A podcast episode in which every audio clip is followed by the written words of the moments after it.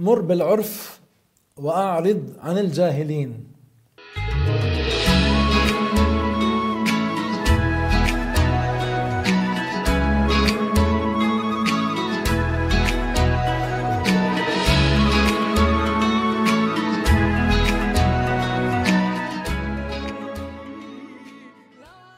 الحمد لله له النعمة وله الفضل وله الثناء الحسن وصلوات الله البر الرحيم والملائكة المقربين على نبينا محمد أشرف المرسلين وعلى جميع إخوانه من النبيين والمرسلين وسلام الله عليهم أجمعين. أما بعد نكمل الكلام اليوم في الحث على التواضع. وقد حصل أن عمر بن الخطاب رضي الله عنه أن بعض الناس قال له يا ابن الخطاب إنك لا تعدل في القضية ولا تقسم بالسوية. فغضب عمر وهم به. فقال له ابن أخيه الله تعالى قال وأمر بالعرف وأعرض عن الجاهلين. فهدأ عمر. فهدأ عمر رضي الله عنه. ما سلم أحد من ألسن الناس.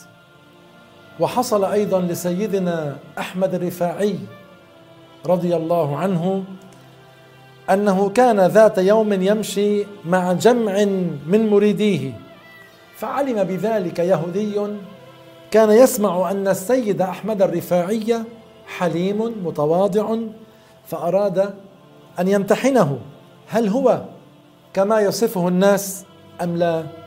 فأتى إليه وقال له يا سيد أنت أفضل أم الكلب أفضل؟ الله أكبر. جاءه أمام بعض أتباعه وقال للسيد أحمد الرفاعي الولي العالي القدر قال له يا سيد من أفضل؟ أنت أفضل أم الكلب أفضل؟ ماذا فعل السيد أحمد الرفاعي؟ رضي الله عنه فقال له إن نجوت على الصراط فأنا أفضل. إن نجوت على الصراط فأنا أفضل. هو لا شك أن المسلم أفضل عند الله من الكلب لا شك. فأسلم اليهودي وأسلم أهله وكثير من معارفه.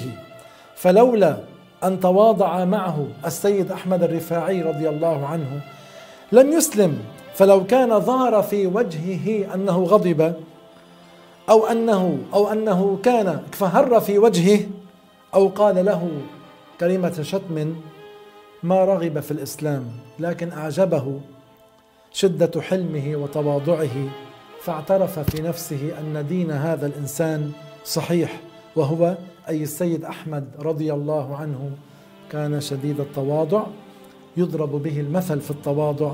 أحيانا كان يكنس الرواق بنفسه وكان يخرج ليساعد العميان ليوصلهم إلى حيث يريدون. بلغ الغاية في التواضع. وقد قال بعض العلماء إن التواضع من خصال المتقي وبه التقي إلى المعالي يرتقي. إن التواضع من خصال المتقي من صفات المتقين. وبه التقي بالتواضع التقي إلى المعالي إلى الدرجات العلى يرتقي. وقد قال نبينا صلى الله عليه وسلم من تواضع لله رفعه. من تواضع لله رفعه. فالتواضع التواضع من شيم الصالحين. ومن التواضع هون كلام مهم. ومن التواضع أن يترك الواحد منا رأيه الذي فيه خير الذي فيه خير. إلى رأي أخيه الذي فيه خير. هذا من التواضع. أن يترك رأيه الذي فيه خير إلى رأي أخيه الذي فيه خير. لأن العمل الجماعي خير من العمل الفردي. العمل الجماعي خير من العمل الفردي. وقد قال رسول الله صلى الله عليه وسلم ألا أخبركم بأهل الجنة؟ ألا أخبركم بأهل الجنة؟ أهل الجنة كل هين لين سهل قريب. كل هين لين سهل قريب. معنى هين متواضع. سهل هين في التواضع في التعامل. ولين قريب. تأكيد لهذا. وقال صلى الله عليه وسلم إنكم لتغفلون عن أفضل العبادة. التواضع أي من أفضل العبادة وليس أفضلها على الإطلاق أكيد. فليلزم أحدنا نفسه أن يتواضع لأخيه. ما ننسى التواضع. التكبر صفة ليست جميلة. التكبر صفة مذمومة. فليلزم أحدنا نفسه أن يتواضع لأخيه لا أن يكون مترفعا عليه. فعلينا بمخالفة النفس فإن النفس تحب الترفع والتعالي.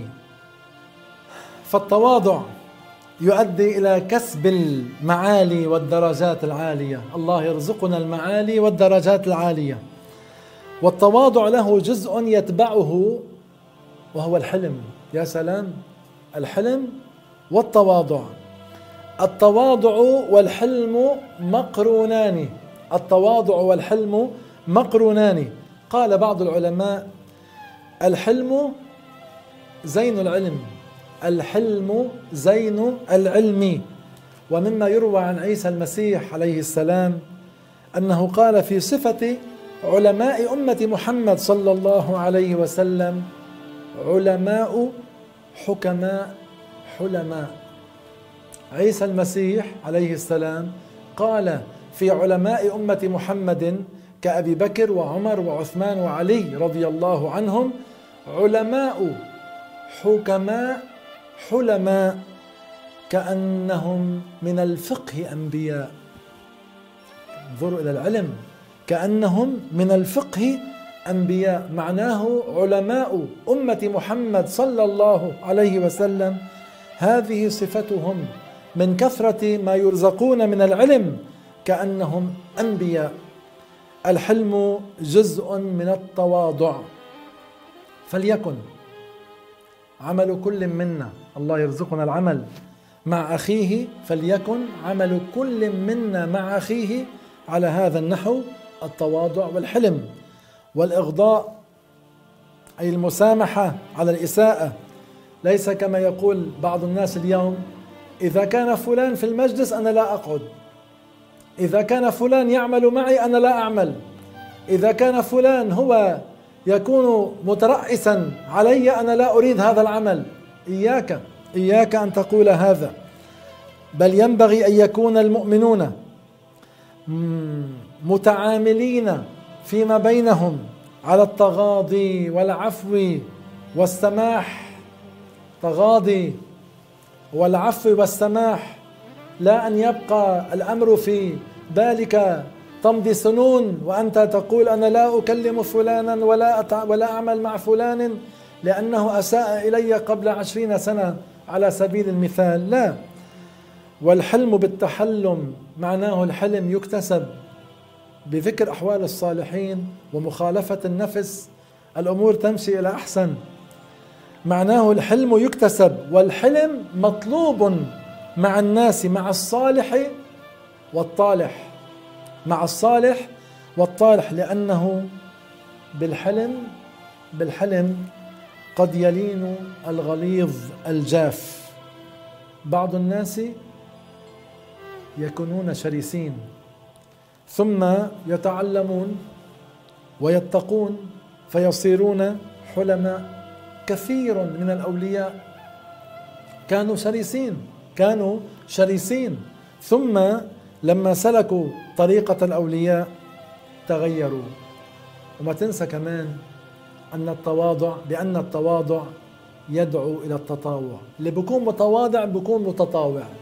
اللي بيكون متواضع يكون متطاوعا. ما هو التطاوع؟ نجي للتطاوع. التطاوع هو أن يوافق كل واحد منا أخاه وأن لا يترفع عليه ولا يسيء الظن به. وأن لا يترفع عليه وأن لا يسيء الظن به. وإذا خالفوا وإذا خالف رأيه رأي أخيه شو بيعمل؟ ماذا يعمل؟ يتهم رأي نفسه. يتهم رأي نفسه ويقول رأي أخي هذا أحسن. فينظر فيه. فينظر فيه فإن تيقن أنه خطأ ينبه أخاه يقول له رأيك خطأ أو يقول له ينبه أخاه على هذا الخطأ. فإن تيقن أنه خطأ ينبهه. فليلزم أحدنا نفسه أن يتواضع لأخيه. لا أن يكون مترفعا عليه رئيسا عليه قائدا له إلى آرائه. يعني بعض الناس اليوم يقول إن لم تعمل برأيي أنا لا أعمل. إما أن تعمل برأيي وإما أن لا أعمل. لا ينبغي هذا. أبو ذر الغفاري رضي الله عنه هذا الصحابي الجليل كان تقيا كان تقيا وجريئا لكنه كان ضعيفا. كان تقيا وجريئا لكنه كان ضعيفا. فالرسول صلى الله عليه وسلم ماذا قال لأبي ذر الغفاري؟ قال له يا أبا ذر إني أراك ضعيفا فلا تولين على اثنين ولا تولين على يتيم. الرئاسة الرئاسة صعبة الرئاسة صعبة. وقال نبينا صلى الله عليه وسلم في أبي ذر يعيش وحيدا ويموت وحيدا. ويبعث يوم القيامة وحيدا. يعيش وحيدا ويموت وحيدا ويبعث يوم القيامة وحيدا. لماذا؟ هو أبو ذر بعد وفاة الرسول عليه الصلاة والسلام انفرد. وكان شديد الزهد كان شديد الزهد. كان يقول للناس كان يقول للناس لماذا تمسكون المال في أيديكم؟ أنفقوه. فصار بينه وبين الناس خلاف فذهب إلى بادية بعيدة ومات كما أخبر النبي صلى الله عليه وسلم. ختاما لهذا الموضوع نذكر بحديث الرسول عليه الصلاة والسلام المؤمن كالجمل الأنف. المؤمن كالجمل الأنف. ما معنى الجمل؟ الأنف. الجمل الأنف هذا الذي يكون في أنفه قرح ويوضع فيه حبل إذا قاده طفل ينقاد كما ينقاد للفارس الكبير.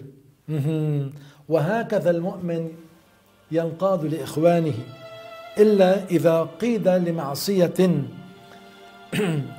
طبعا لأنه لا طاعة لمخلوق في معصية الخالق. فالترفع على الناس لا ينفع الترفع لا ينفع في الدنيا ولا في الآخرة. هذه النفس تحب التعالي هذه النفس تحب الترفع إلا من خالفها لوجه الله تبارك وتعالى. فالشخص الذي يخالف نفسه يكون متواضعا مع عباد الله. التواضع مطلوب حتى مع الزوجة حتى مع الأولاد الصغار حتى مع الجيران حتى مع الأقارب. التواضع مطلوب حتى الرجل في البيت إن خدم نفسه وخدم زوجته بدل أن ينتظر خدمتها. هذا أفضل. يعني الأحسن الأحسن للرجل المتزوج أن هو في البيت يخدم هو يخدم يخدم نفسه بدل أن ينتظر أن زوجته لتخدمه. هو هذا هو الأفضل. فعن عمر بن الخطاب رضي الله عنه أنه قال استأذنت النبي صلى الله عليه وسلم في العمرة فأذن لي. وقال رسول الله صلى الله عليه وسلم لا تنسنا يا أخي من دعائك. رسول الله يقول لا تنسى يا أخي من دعائك. يقول لمن؟ لسيدنا عمر. الرسول عليه الصلاة والسلام وقد غفر الله له ما تقدم من ذنبه وما تأخر. يقول لعمر بن الخطاب لا تنسنا يا أخي في أو من دعائك. فقال عمر كلمة ما يسرني أن لي بها الدنيا وفي رواية الرسول عليه الصلاة والسلام قال أشركنا يا أخي في دعائك. رواه أبو داود. هكذا كان نبينا صلى الله عليه وسلم هكذا كان أفضل خلق الله عليه الصلاة والسلام. فالذي يوصل إلى التواضع وليكن أحدنا كما فعل الإمام علي رضي الله عنه كان في جيش خالد بن الوليد في حرب الردة كان سيدنا خالد هو قائدهم هو قائدهم مع الفارق مع ما بين خالد وسيدنا علي في رفعة القدر. الذي لا يتواضع لا يترقى لأن ترك التواضع يكون حاجزا يكون حاجزا بين الشخص وبين الترقي. ورد أن الإمام علي رضي الله عنه قبل يد عمه العباس. الإمام علي الذي هو أفضل هذه الأمة بعد أبي بكر وعمر قبل يد عمه العباس وقال يا عمي ارضى عني. نسأل الله تعالى حسن العمل وحسن الاتباع إنه على ما يشاء قدير وبعباده لطيف خبير والسلام عليكم ورحمة الله وبركاته.